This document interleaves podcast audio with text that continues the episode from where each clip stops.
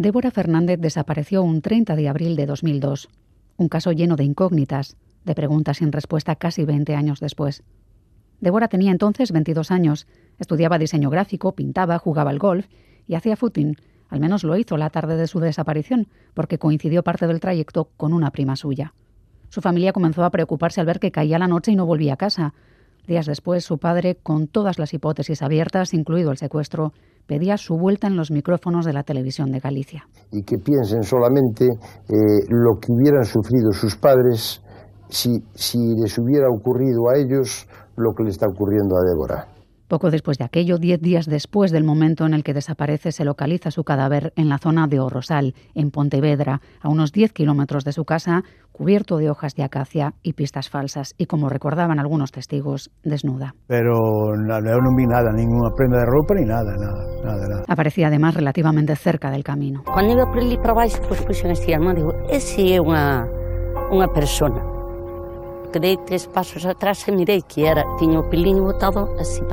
Un escenario engañoso, cuentan quienes han seguido el caso desde el comienzo, que 20 años después de aquel crimen no se ha logrado leer del todo. El caso está a punto de prescribir sin ningún culpable, por eso su familia sigue buscando justicia. Tras años de lucha y movilizaciones consiguieron que a finales de 2019 se reabriera el caso y se exhumara el cuerpo de Débora para conseguir ADN, el que tal vez guardó bajo sus uñas todo ese tiempo. Ahora persiguen que se resuelva la principal incógnita, cuál fue el móvil del crimen y por qué el autor o autores intentaron simular un móvil sexual, algo que posteriormente quedó descartado con la autopsia. Los restos de semen que aparecieron en su cuerpo fueron depositados post-mortem. La investigación apenas ha aportado pistas relevantes en todo este tiempo, por eso la familia contrató a un equipo de criminólogos, forenses y abogados para descubrir quién mató a Débora antes de que el caso prescriba con la llegada de mayo y se descubra, entre otras cosas, quién dejó un misterioso ramo de flores dos años después de su muerte en el lugar de los hechos.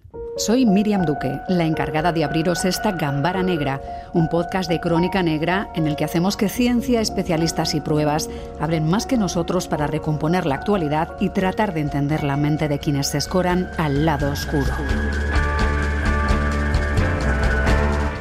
Nos acompaña su hermana, Rosa Fernández Cervera. Rosa, ¿qué tal? ¿Cómo estás? Hola. Bueno, y sobre todo gracias por acompañarnos. Gracias a vosotros por darnos eco, porque la verdad es que sin la prensa no mm. habríamos llegado hasta aquí. Ahora mismo supongo que vuestra atención se centra en el 30 de abril. Ese día se cumplirán 20 años del crimen y quedaría prescrito. Supongo que habéis presentado nuevos indicios ante el juez. Bueno, de hecho llevamos dos años y medio de lucha encarnizada. Mi hermano José y yo cogimos un poco la batuta del caso de nuestra hermana en 2017 y desde entonces no hemos dejado de trabajar en pro de saber la verdad, mm. eh, con todas las dificultades que ello conlleva reabrir un caso con verdad. ¿no?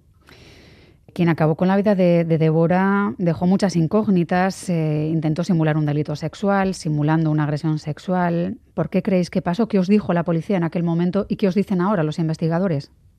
Bueno, pues realmente el caso de Débora es un caso muy complejo porque su la escena donde ella aparece reposada después de 10 días en custodia de su asesino eh, es una escena, como bien decías, totalmente manipulada y que da lugar a que los investigadores en los primeros pasos de esa investigación den pasos erróneos, eh, precisamente porque tratan de simular una, una, una agresión sexual que nunca existió, incluso introducen artificialmente un semen post-mortem dentro de la vagina de mi hermana cosa que dificultó muchísimo porque durante muchos meses estuvieron buscando al autor de ese ADN.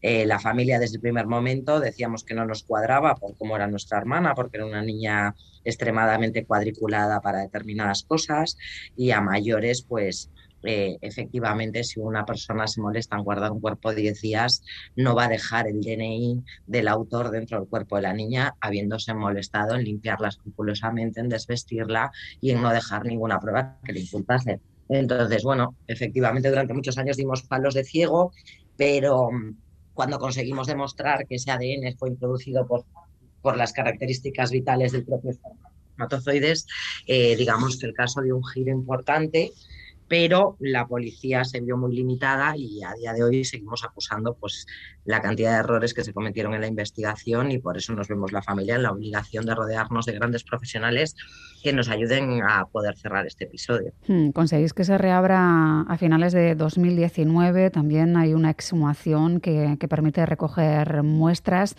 cuesta pensar ¿eh? en todo el tiempo que, necesitáis para poder en marcha esa segunda parte que permita conseguir pues ADN, entiendo que era lo principal, ¿no? Que se logra.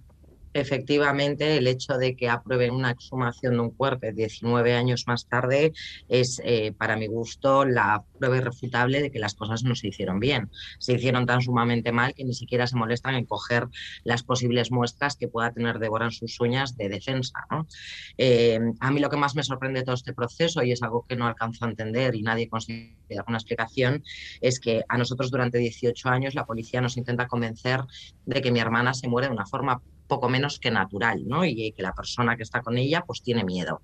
¿Cuál es mi sorpresa? Cuando contratamos a Hitor Curiel, que es uno de los grandes forenses que tenemos en España, y efectivamente, tras la exhumación y tras los análisis de las primeras autopsias, nos dice que claramente mi hermana tiene signos de defensa en antebrazos y piernas. Entonces, a mí lo que realmente me conmueve todo este caso y lo que me hace ponerme en pie de guerra es ver que es eh, el propio eh, sistema el que nos está engañando, que si no mm. llegamos a poner todas esas herramientas nosotros, hubiésemos seguido pensando que mi hermana se murió de una forma natural y no violenta, cuando no es así. Entonces a mí cuando me dan con la verdad en la cara y me dicen que mi hermana efectivamente se defiende y que es una asfixia por sofocación, eh, por oclusión de un objeto blando, eh, es cuando me, me, enrabieto y quiero buscar la verdad a toda costa, porque me parece injusto eh, que esta persona que ha privado de vida a mi hermana y que ha limitado y ha hecho tanto daño a todo mi entorno siga en la calle riéndose de nosotros. Mm. Rosa, hemos leído que la jueza autorizaba un cribado en busca de ADN, porque claro, siempre hace falta tener con qué cotejar las muestras que habéis conseguido tras la exhumación. ¿Esto es así? Eh, digamos que mm, las líneas de investigación de los diferentes em, informes policiales acerca del caso de Débora apuntan siempre que por cómo la reposan, que tiene que ser alguien muy próximo a la familia, ¿no? Alguien muy próximo a ella, que tenía cierta intimidad con ella, porque no la arrojan, no se deshacen de ella, sino que la reposan, cortan vegetación, le, le cubren sus partes íntimas, tanto pecho como pubis, lo que demuestra pues un cierto cariño eh, o una cierta delicadeza hacia el cuerpo de mi hermana, ¿no? Entonces, la jueza efectivamente eh, puesto que hay muchos indicios que apuntan hacia un lugar, pero no parece ser suficientes como para que lo llamen a declarar, pues lo que está intentando es hacerla a la inversa, descartar a todo el vínculo más cercano para que cuando las pruebas no den, porque no van a dar, estoy convencida de ello, pues poder descartar a todo ese entorno próximo que la policía apunta como, como posible. ¿Tu hermana tenía pareja en el momento en que desaparece o en los momentos más o menos cercanos a esa época? Bueno, mi hermana efectivamente eh, sale con un chico desde hacía dos años, dos años y medio, y están ahí en una pequeña crisis, precisamente porque esta persona vive fuera del país. Y bueno, pues ya sabemos todos cómo son las relaciones a distancia y más a esas edades. Entonces, bueno, lo que queda con totalmente constancia es que mi hermana, su intención es sentarse y hablar con él en cuanto él venga de, de Argentina, que es donde vivía, ¿no? ¿Se le llegó a interrogar en algún momento? ¿O fue sospechoso? En, sede policial se le interrogaron varias veces, eh, pero en sede judicial a día de hoy no, que es lo que nos sorprende.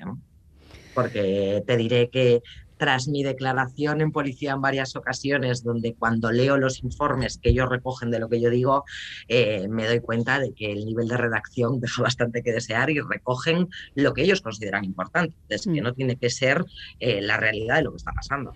Entonces, pues sinceramente nosotros lo que queremos es que quedando cuatro meses para la prescripción del delito, que se pongan todos los medios, que se le llame a declarar en sede judicial para nosotros como partes podamos intervenir en ese interrogatorio y podamos aclarar las dudas que suscitan toda la información que hay en el sumario y a partir de ahí veremos qué pasa. Lo que pasa es que lo hemos recurrido a la audiencia provincial y sabemos que dentro de dos días se reúnen y tendremos una respuesta de si aceptan la declaración de este sospechoso con nombre y apellido por parte de la policía.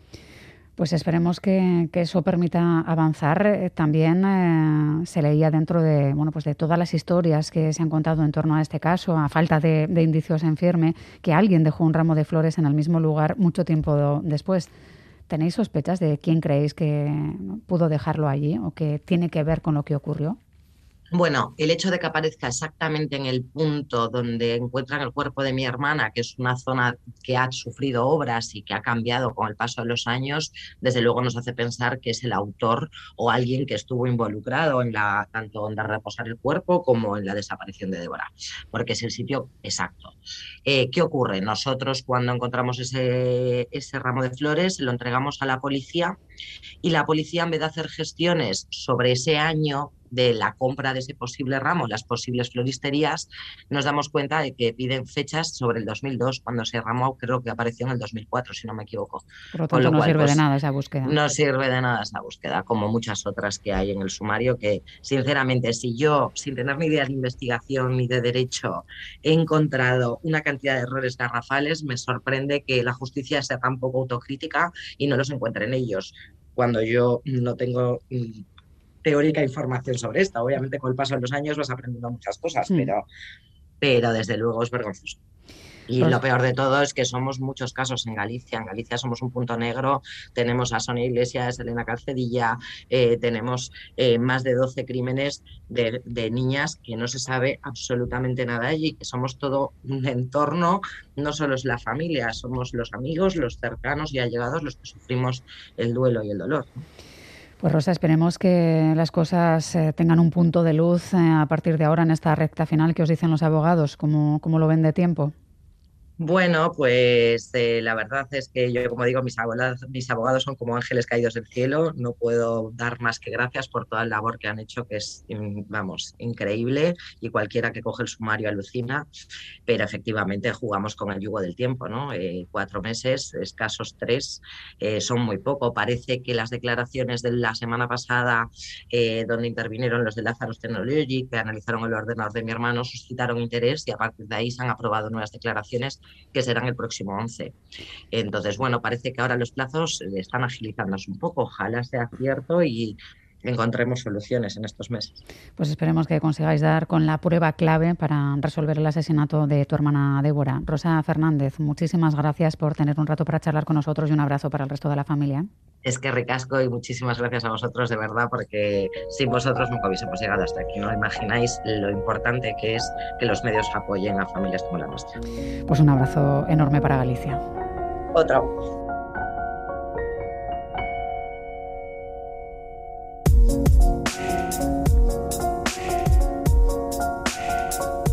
En la mesa tenemos a Carlos Basas, experto en novela negra. Carlos, ¿qué tal? ¿Cómo estás? Hola, muy bien. También nos acompaña Iñaki Rusta, ex jefe de la Policía Científica de la Archancha. ¿Cómo va todo, Iñaki? Hola, perfectamente bien. Y nos acompaña también Marian Martínez de Pancorbo, catedrática de Biología Celular de la UPV y directora del Banco de ADN de la UPV. Hola Marian, ¿cómo estás? Hola, muy bien, gracias. Pues eh, deseando charlar con vosotros de esta historia, la historia de Débora Fernández, un caso bueno, pues que comienza el 30 de abril de 2002 cuando ya desaparece, pero todavía está sin resolver y queda poco tiempo para que pasen esos 20 años. Decimos que todo empezaba un 30 de abril de 2002, pero es verdad que la exhumación no se produce hasta el 18 de mayo de 2021, hace relativamente muy poco, cuando la familia consigue que los forenses extraigan el cadáver y se hace un TAC, se recuperan ocho uñas y las envían a Toxicología de Madrid para extraer fibras y ADN. Marian, tras la exhumación del cuerpo de Débora, que se realiza, como decimos, en mayo, se procede también a realizar una segunda autopsia, aparece pelo, fibras en las uñas, este hallazgo evidentemente abre nuevas vías de investigación, pero ¿qué proceso se puede seguir a partir de ahí después de tanto tiempo? Bueno, el, tiempo es un aspecto relativo. Siempre en los análisis de ADN lo que se hace es intentarlo, es decir, pase el tiempo que haya pasado, se analiza por si acaso. Entonces, el tiempo es un factor que juega en contra, pero todo depende de las condiciones en las que hayan estado esos restos y también esas otras pruebas. De hecho, hay un punto importantísimo en la conservación de las pruebas que siempre pensamos que es desde que llegan del lugar de los hechos al laboratorio. Pero los laboratorios hoy día también tienen un sistema de conservación especial precisamente por si se pudiera volver a analizar algo. Entiendo además que hace falta con qué comparar, porque el despacho de criminólogos Balfagón y Chipierras solicitaba, bueno, pues a través del abogado de la familia, nuevas pruebas que parece que la jueza sí admitía en, en esta segunda etapa. Y el grupo 2 de homicidios, bueno, pues procedía a pedir muestras de ADN a unas 30 personas para poder cotejar el pelo y la cuerda que aparecía también en el lugar porque hay parte de la investigación que cree ahora que tal vez la persona que se deshizo de, ese cuerpo podía estar acompañada, tal vez una persona o un resto pudiera llegar a otros. Sí, en efecto, en el caso de que se pueda obtener el ADN que clásicamente se utiliza para comparar entre individuos, pues bueno, se puede comparar con esos 30 y también con otros, con las bases de datos generales. Eh, pero ya si el ADN está muy degradado y lo que se obtiene es ADN mitocondrial, ahí solo va a quedar compararlo con los 30 que se van a analizar ahora, bueno, y puede ser que con otros que se analizaron antes. Y entonces ahí no se identifica la persona, lo que se hace es identificar un linaje, pues pertenecen al mismo linaje materno, por ejemplo, y a partir de ahí efectivamente se puede ir empezando a desenmarañar un poco. O sea, fenotipos que marcan parentescos, ¿no? Eso es. eso. Bueno, esa sería una de las cuestiones. Eh, Iñaki, no sé si a ti te ha resultado bueno, pues curioso cómo se ha desarrollado la investigación de este caso, del que van ya casi para 20 años, porque hay muchos puntos de los que podemos hablar, pero por ejemplo que hasta casi 19 años después no se produjese la exhumación que permitiese ver qué tenía ella bajo las uñas. Parece curioso ¿no? Que, que no fuese un análisis que se hiciera en un primer momento cuando te encuentras el cadáver de, de, una chica, además una situación compleja porque bueno, la escena del crimen de la que ya iremos hablando tampoco parecía la habitual, ¿no? Estaba todo preparado y, bastante falseado. Sin quererme intrometer el trabajo que han desarrollado otros, sí que en principio se observan lagunas. ¿eh? En el trabajo de campo, efectivamente, se observan bastantes carencias. El protocolo que marca al respecto de las uñas, por ejemplo, si encontramos a una persona que ha fallecido en lo que parece en circunstancias con algo de violencia, tendemos a defendernos, entiendo que será prioritario, ¿no? Saber qué hay bajo sus uñas por si ha conseguido arañar. Bueno, prioritario, en, una vez que se realiza lo que es la autopsia, es todo el cuerpo. Todo el cuerpo tiene información. Las uñas, lógicamente. Las uñas se hace la recogida de las muestras, la parte interior de las uñas una por una y vienen identificadas, metidas luego posteriormente para hacer su estudio, su análisis.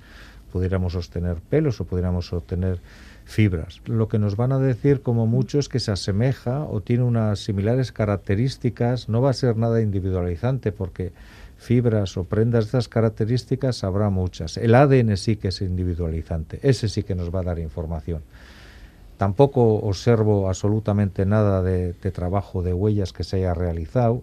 Es decir, hay, hay, hay cuestiones, hay cuestiones que, que, bueno, sin tener todos los datos, eh, visto desde el exterior, eh, se observan carencias. Sí, yo lo primero, como no soy tan prudente como Iñaki, no diré eso de bastantes carencias, sino de chapuza por, por, ponerlo de manera suave. ¿no? Da la sensación en este caso que quien haya hecho ese staging de, de, la escena del crimen, quien haya colocado el cadáver, quien haya engañado de esa manera, tiene más conocimientos forenses que el equipo que eh, investigó el caso inicialmente. Esa es la sensación que me da. ¿no? Si yo escribo una ficción haciendo un retrato de una investigación así, la verdad es que se me echan encima. ¿no?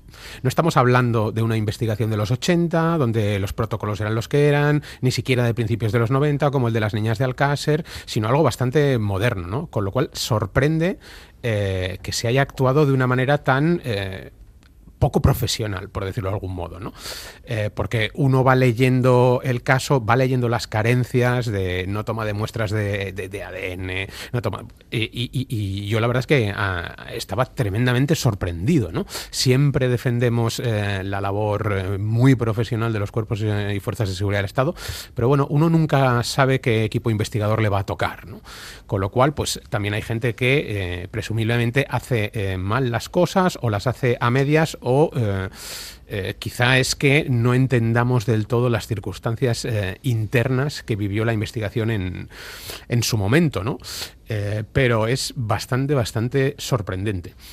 Dada la sensación, eh, supongo que hemos leído muchos libros de crónica negra, sobre todo tú y yo, Carlos, eh, hemos visionado muchas escenas y es verdad que a veces en las películas y en la literatura nos hablan de cómo el cadáver queda preparado o la escena queda preparada porque a veces el asesino vuelve y trata de revivirlo y está puesto de esa forma, ¿no? Daba un poco la sensación de que podríamos estar ante un caso de este tipo, ¿no? Con, con Débora Fernández. Depende también eh, mucho del tipo de asesino o homicida que sea, ¿no? Si es un asesino en serie, si no, no parece en este caso que se trate de, de eso, del clásico asesino que hace una puesta en, en, escena, con eh, unos fines eh, más allá de confundir la investigación, ¿no? Estaríamos hablando de dos tipos de criminales diferentes. Si lo haces con unos motivos no para, no para esconder, sino por otros motivos, estaríamos hablando de un perfil. Si lo haces únicamente para confundir, para tratar de que no te pillen, estaríamos hablando de otro. Con lo cual, pues es, es, es, es un caso, eh, yo creo que tremendamente sorprendente, lo mires por donde lo mires. Sí, la verdad es que es, eh, es sorprendente. Poco a poco la escena del crimen iba dejando bueno, pues muchos detalles que en un principio podían parecer eh, una agresión sexual, luego parece que se dejó ahí un preservativo con semen en que incluso se, se llegó a tratar de introducir esa muestra pues para aparentar una violación.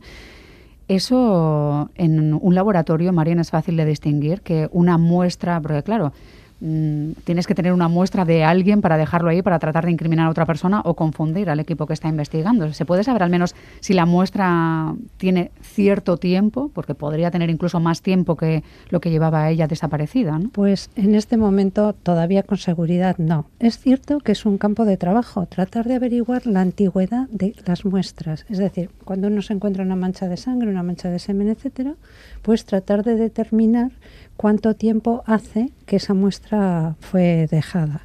Pero eso todavía es un campo que está en experimentación y no hay muchos grupos que lo hagan todavía. También habría que decir una cosa que igual tenemos que tener en cuenta. Y es que, claro, eh, hay muestras que igual no se tomaron porque estamos hablando de 2002. En 2002, hacer el ADN de debajo de las uñas todavía necesitábamos grandes cantidades de ADN comparadas con las de ahora, no mucho más, pero sí. Entonces igual, entonces igual no es tan descabellado que faltara ese apartado, ¿no? pero eso, eso no evita que lo recojas. Exacto, sí, pero bueno, quiero decir que ah, luego, claro, ¿por qué no sé si se han recogido, por qué no se han analizado después? Pues no sé cuál será el problema del proceso, porque todos sabemos que eso tiene unos tiempos procesales, etcétera y entonces, pues claro, se encuentra uno con todas estas dificultades. Ahora hay más medios que antes. Eso no quiere decir, y yo de eso no sé si se hizo mejor o peor, parece ser que hay problemas en cómo se hizo, pero también hay que tener en cuenta que ha cambiado, ¿eh? han pasado 20 años en una ciencia que tiene 30 años de, mm. evolución. el problema es que han pasado casi 20 años literalmente y si nadie lo remedia y no se retoman de forma muy correcta las investigaciones, eh, hay una... un problema. Una guadaña que es el reloj, ¿no? que, marca que algo... como bien dice Marian, eh, independientemente de que ha evolucionado muchísimo el tema del ADN, si se hubiesen recogido esas muestras en su día, se hubiese hecho un buen trabajo, lo que es eh, la muestra del perfil hubiese existido ahí. Hoy en día los kits son mucho más sensibles, de hecho nosotros hemos tenido muestras de extracciones de perfiles de casos graves, estoy hablando porque de todo era imposible, que con la evolución y con la alta sensibilidad de los kits hemos obtenido marcadores que antes no sabían y se han resuelto casos, casos muy graves. Por lo tanto, si se hubiese hecho un buen trabajo digamos, de campo. Cuando hablo de campo estoy hablando no solamente de lo que es la parte de laboratorio, sino la policía científica. ahí tenemos que hablar también del grupo de investigadores que al final van de la mano. De hecho, muchas veces es porque incluso no confiamos, quiero decir, pensamos que, bueno, es ciencia ficción, cuando en realidad esto llega y llega rápido. Mm. Entonces, bueno, una enseñanza importante, tristemente de una forma mm. muy difícil de aprender, pero hay que sacarla en limpia. Tengo yo una última pregunta en torno a, esa muestra de semen. Claro, cuando alguien coloca de forma engañosa una muestra de semen en, la escena de un crimen para tratar de confundir la investigación, ha tenido que cogerlo de alguna parte, porque claro, es evidente que normalmente el criminal no está por la labor de confundir con su propio ADN.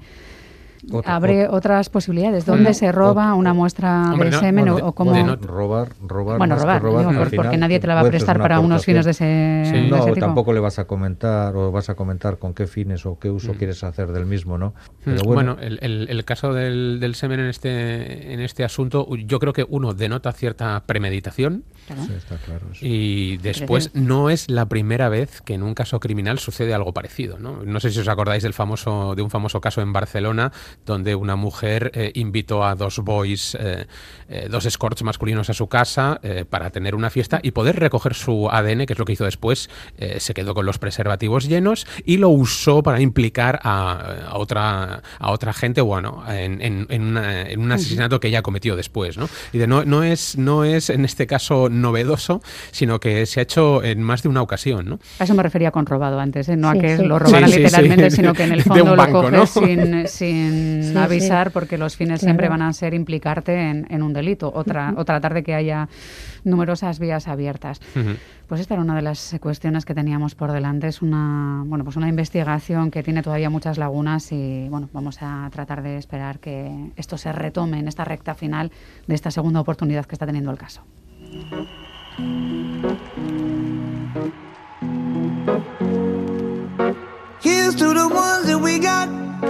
Cheers to the wish you were here, but you're not. Cause the drinks bring back all the memories of everything we've been through. Hablemos ahora de otra historia, ya dentro del espacio de Carlos Basas, basado en hechos reales. Es el caso del asesinato de la hermana Katy Cesnik, un crudo documental de Netflix que busca respuestas para un caso sin resolver. Ocurría el 7 de noviembre de 1969 en Maryland, pero poco a poco se descubre que a esta joven monja la asesinan no porque estaba en el lugar incorrecto, sino porque descubrió la trama de abusos contra las alumnas adolescentes que estaba teniendo lugar en un prestigioso colegio. Baltimore has always been a quintessentially Catholic city. The priests were the authority. Whatever they told you to do, you did. The city has its level of corruption.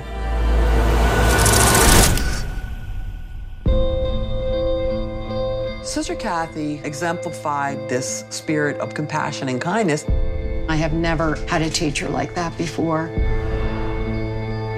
Vamos descubriendo las voces de sus antiguas alumnas diciendo que era compasiva, que no habían tenido una profesora así nunca, solo tenía 26 años, era guapa y bueno, trataba de, de escuchar sus voces. The Keepers, así es como se llama esta miniserie documental donde seguimos la investigación de dos mujeres que también son antiguas alumnas del colegio y un periodista que poco a poco, Carlos, van siendo ayudados por numerosos voluntarios. Eh, la desaparición de Katy Chesney, que es la profesora de 26 años, eh, monja, pues que trabaja en, ese colegio religioso de mucho prestigio en la ciudad de, Baltimore, que es casi como otro protagonista. Un día hablaremos de, Baltimore eh, en Estados frío Unidos. De Baltimore, Sí, entonces pues ella desaparece y dos meses después, a principios de enero, en concreto el 3 de enero del, 70, su cuerpo aparece en un vertedero en, una localidad pues alejada un poquito de, de la capital de Baltimore y la policía, pues por mucho que investiga o aparentemente investiga en un principio, pues no logra encontrar eh, pistas, pese a que recogen una colilla en la que al parecer hay ADN cerca del cadáver, etcétera, y finalmente no logra resolver el caso, ¿no? El asesinato de, la hermana Katy Chesnik, pues eh, queda eh, absolutamente en el sumido en el misterio y pues casi 20 años después dos exalumnas de, de Katy Chechnik, de esta, de esta hermana, de esta monja que les daba pues, eh, inglés, inician su propia investigación. Eh, es una cruzada no solo contra el, instituto en el que estudiaban, eh, sino contra la propia archidiócesis de, Baltimore, porque sospechan que en realidad Katy Chechnik fue asesinada porque estaba a punto de destapar un caso grave de acoso eh, sexual y de violaciones a alumnas de ese instituto por parte de eh, fundamentalmente un sacerdote, eh, aunque luego se implica a varios más. ¿no? Ese sería el motivo que ellas aducen por el cual pues, fue Katy Chesnik asesinada. ¿no? el documental está construido de una manera absolutamente brillante. Bien es cierto que en algunos momentos ventajista, porque obvia algunas de las pistas que se han ido recogiendo a lo largo de estos años, pero es uno de esos documentales que se alejan bastante de lo que sería el clásico reportaje periodístico y se acercan más a una, a, una serie de, ficción, a lo estamos acostumbrados a ver una serie de ficción, ¿no? Muy bien estructurado, muy bien diseminada la, la información y es un caso que llega hasta nuestros días. Eh, el documental es del 2017, pero poco a poco después han ido apareciendo nuevas informaciones. Por ejemplo, eh, gracias al documental, eh, la policía decidió exhumar los restos del padre Maskel, que es el principal sospechoso de esos abusos sexuales y de haber ordenado el, asesinato de, de Kathy Chechnik o haberlo realizado él mismo. Mm, eh, exhumaron los restos para coger ADN y compararlo con esas muestras recogidas en, la escena del crimen y dio negativo, cosa, que no, cosa que en el documental eso no, no aparece. Pero hay una teoría de la conspiración enorme que envuelve a, todo ese universo de, la, de, los poderosos de la ciudad de, Baltimore, que para entenderlo de un modo rápido, eh, a pesar de ser una gran ciudad en Estados Unidos, no deja de ser un pequeño pueblo, una pequeña comunidad donde mandan los de siempre. Eh, y en este caso tenemos elementos como que la fiscal encargada de, llegar, de llevar la investigación es mujer de un policía del Estado, que además es uno de los cuerpos policiales que tienen que investigar eh, y que tiene relaciones a su vez con la archidiócesis, con lo cual eh, lo único que hace eh, el documental es poner el dedo en la llaga de esos abusos, al parecer sistemáticos, porque han aparecido hasta 35 exalumnas denunciando, mm. denunciando lo que pasó allí, pues como si fuera pues algo absolutamente sistemático sabido, escondido y callado, ¿no? Hasta el punto de que también eh, se habla de que la archidiócesis cayó, que el padre Maskel también tuvo antecedentes de, eh, de, bueno, de acoso y a alumnos en, Irlanda cuando era sacerdote allí. Sí, es verdad que, es un hombre muy oscuro. El padre Maskel no solo es eh, el capellán del colegio, también es el capellán de la policía, el capellán de otros cuerpos, digamos que tiene muchos amigos que, que le cubren, tiene un hermano en un alto puesto en la policía en ese momento, hablan de, bueno, pues que llevaba una pistola incluso en los momentos en los que les da terapia a las chicas. y hay una cosa especialmente oscura, o a mí me lo parece, no solo de, lo que cuentan de esa época en Baltimore, sino de, por qué abusa de ciertas eh, chicas, ¿no? Porque todas tienen un pasado en las que ya habían sido abusadas y aprovecha eso para ah, someterlas una vez más, ¿no? Sí, se, hace el perfil de, un eh, auténtico depredador, en el sentido de que es capaz de eh, identificar eh, a la perfección no solo a las más débiles, sino a las más rotas, a las chicas que eh, han, eh, han sufrido en su pasado eh, esos abusos en distintos grados. ¿no? Es decir, el padre más que él pone el ojo en ellas y sabe perfectamente a quién puede intimidar y atacar y a quién no, no. Lo cual hace que el retrato de este depredador sea absolutamente terrorífico, ¿no? Como decías tú. Hay otro también, otra sombra de otro sacerdote por ahí al que llaman el padre Bob, que incluso es peor que él, ¿no? Sería como eh, el gran ojo que todo lo ve, que todo lo vigila, que todo lo controla y calcula y que a su vez también de vez en cuando eh, abusa, como dicen algunas de las, de las chicas que, aparecen en el documental, de esas eh, exalumnas, ¿no? Y estaría relacionado directamente con grupos de la, de la archidiócesis, de, archidiócesis de Baltimore. Sí, la verdad es que todo esto empieza como una investigación en la que parece que hay bueno, pues antiguas alumnas ayudadas a través de Facebook por muchos voluntarios, muchos policías retirados que utilizan su tiempo para saber qué ocurrió y poco a poco se va viendo que no importa tanto quién la mató, sino cuánta gente contribuyó a encubrir lo que le pasó a aquella monja que intentó ayudar a las chicas que estaban siendo abusadas en, en aquel lugar. Y esto nos lleva a pensar que es importante que se abran cuanto antes las ventanas de, algunas eh, diócesis y que reconozcan lo que pasó, si es que pasó, y, que afronten la verdad de etapas muy tristes que, que, aún todavía siguen ahí, que no se ha pedido perdón por ellas. Sí, incluso en este caso eh, el ocultamiento llega hasta las altas esferas del FBI, que no ha querido desclasificar, por mucho que se haya pedido, no ha querido desclasificar los archivos eh, secretos del caso. Pues la verdad es que es doloroso, ya lo decimos eh, desde aquí, si queréis asomaros a, a The Keepers, será un ejercicio de investigación interesante porque se pivota mucho en la emoción de quien realmente no gana más que conseguir la verdad con esta investigación y están poniendo pues, su tiempo libre y su vida al servicio de, conseguir saber quién estaba detrás de, de aquel asesinato y de todo lo que les ocurrió a aquellas chicas, pero duele un poquito el corazón. Así que si os asomáis a, este True Crime, a este documental de Netflix, bueno, pues hay que también saberlo. Carlos Basas, gracias por proponernos investigar aunque duela y también gracias a Iñaki Rusta y a Marian Martínez de Pancorvo por las reflexiones de hoy. Como siempre, un abrazo y hasta la próxima. gracias, lo mismo.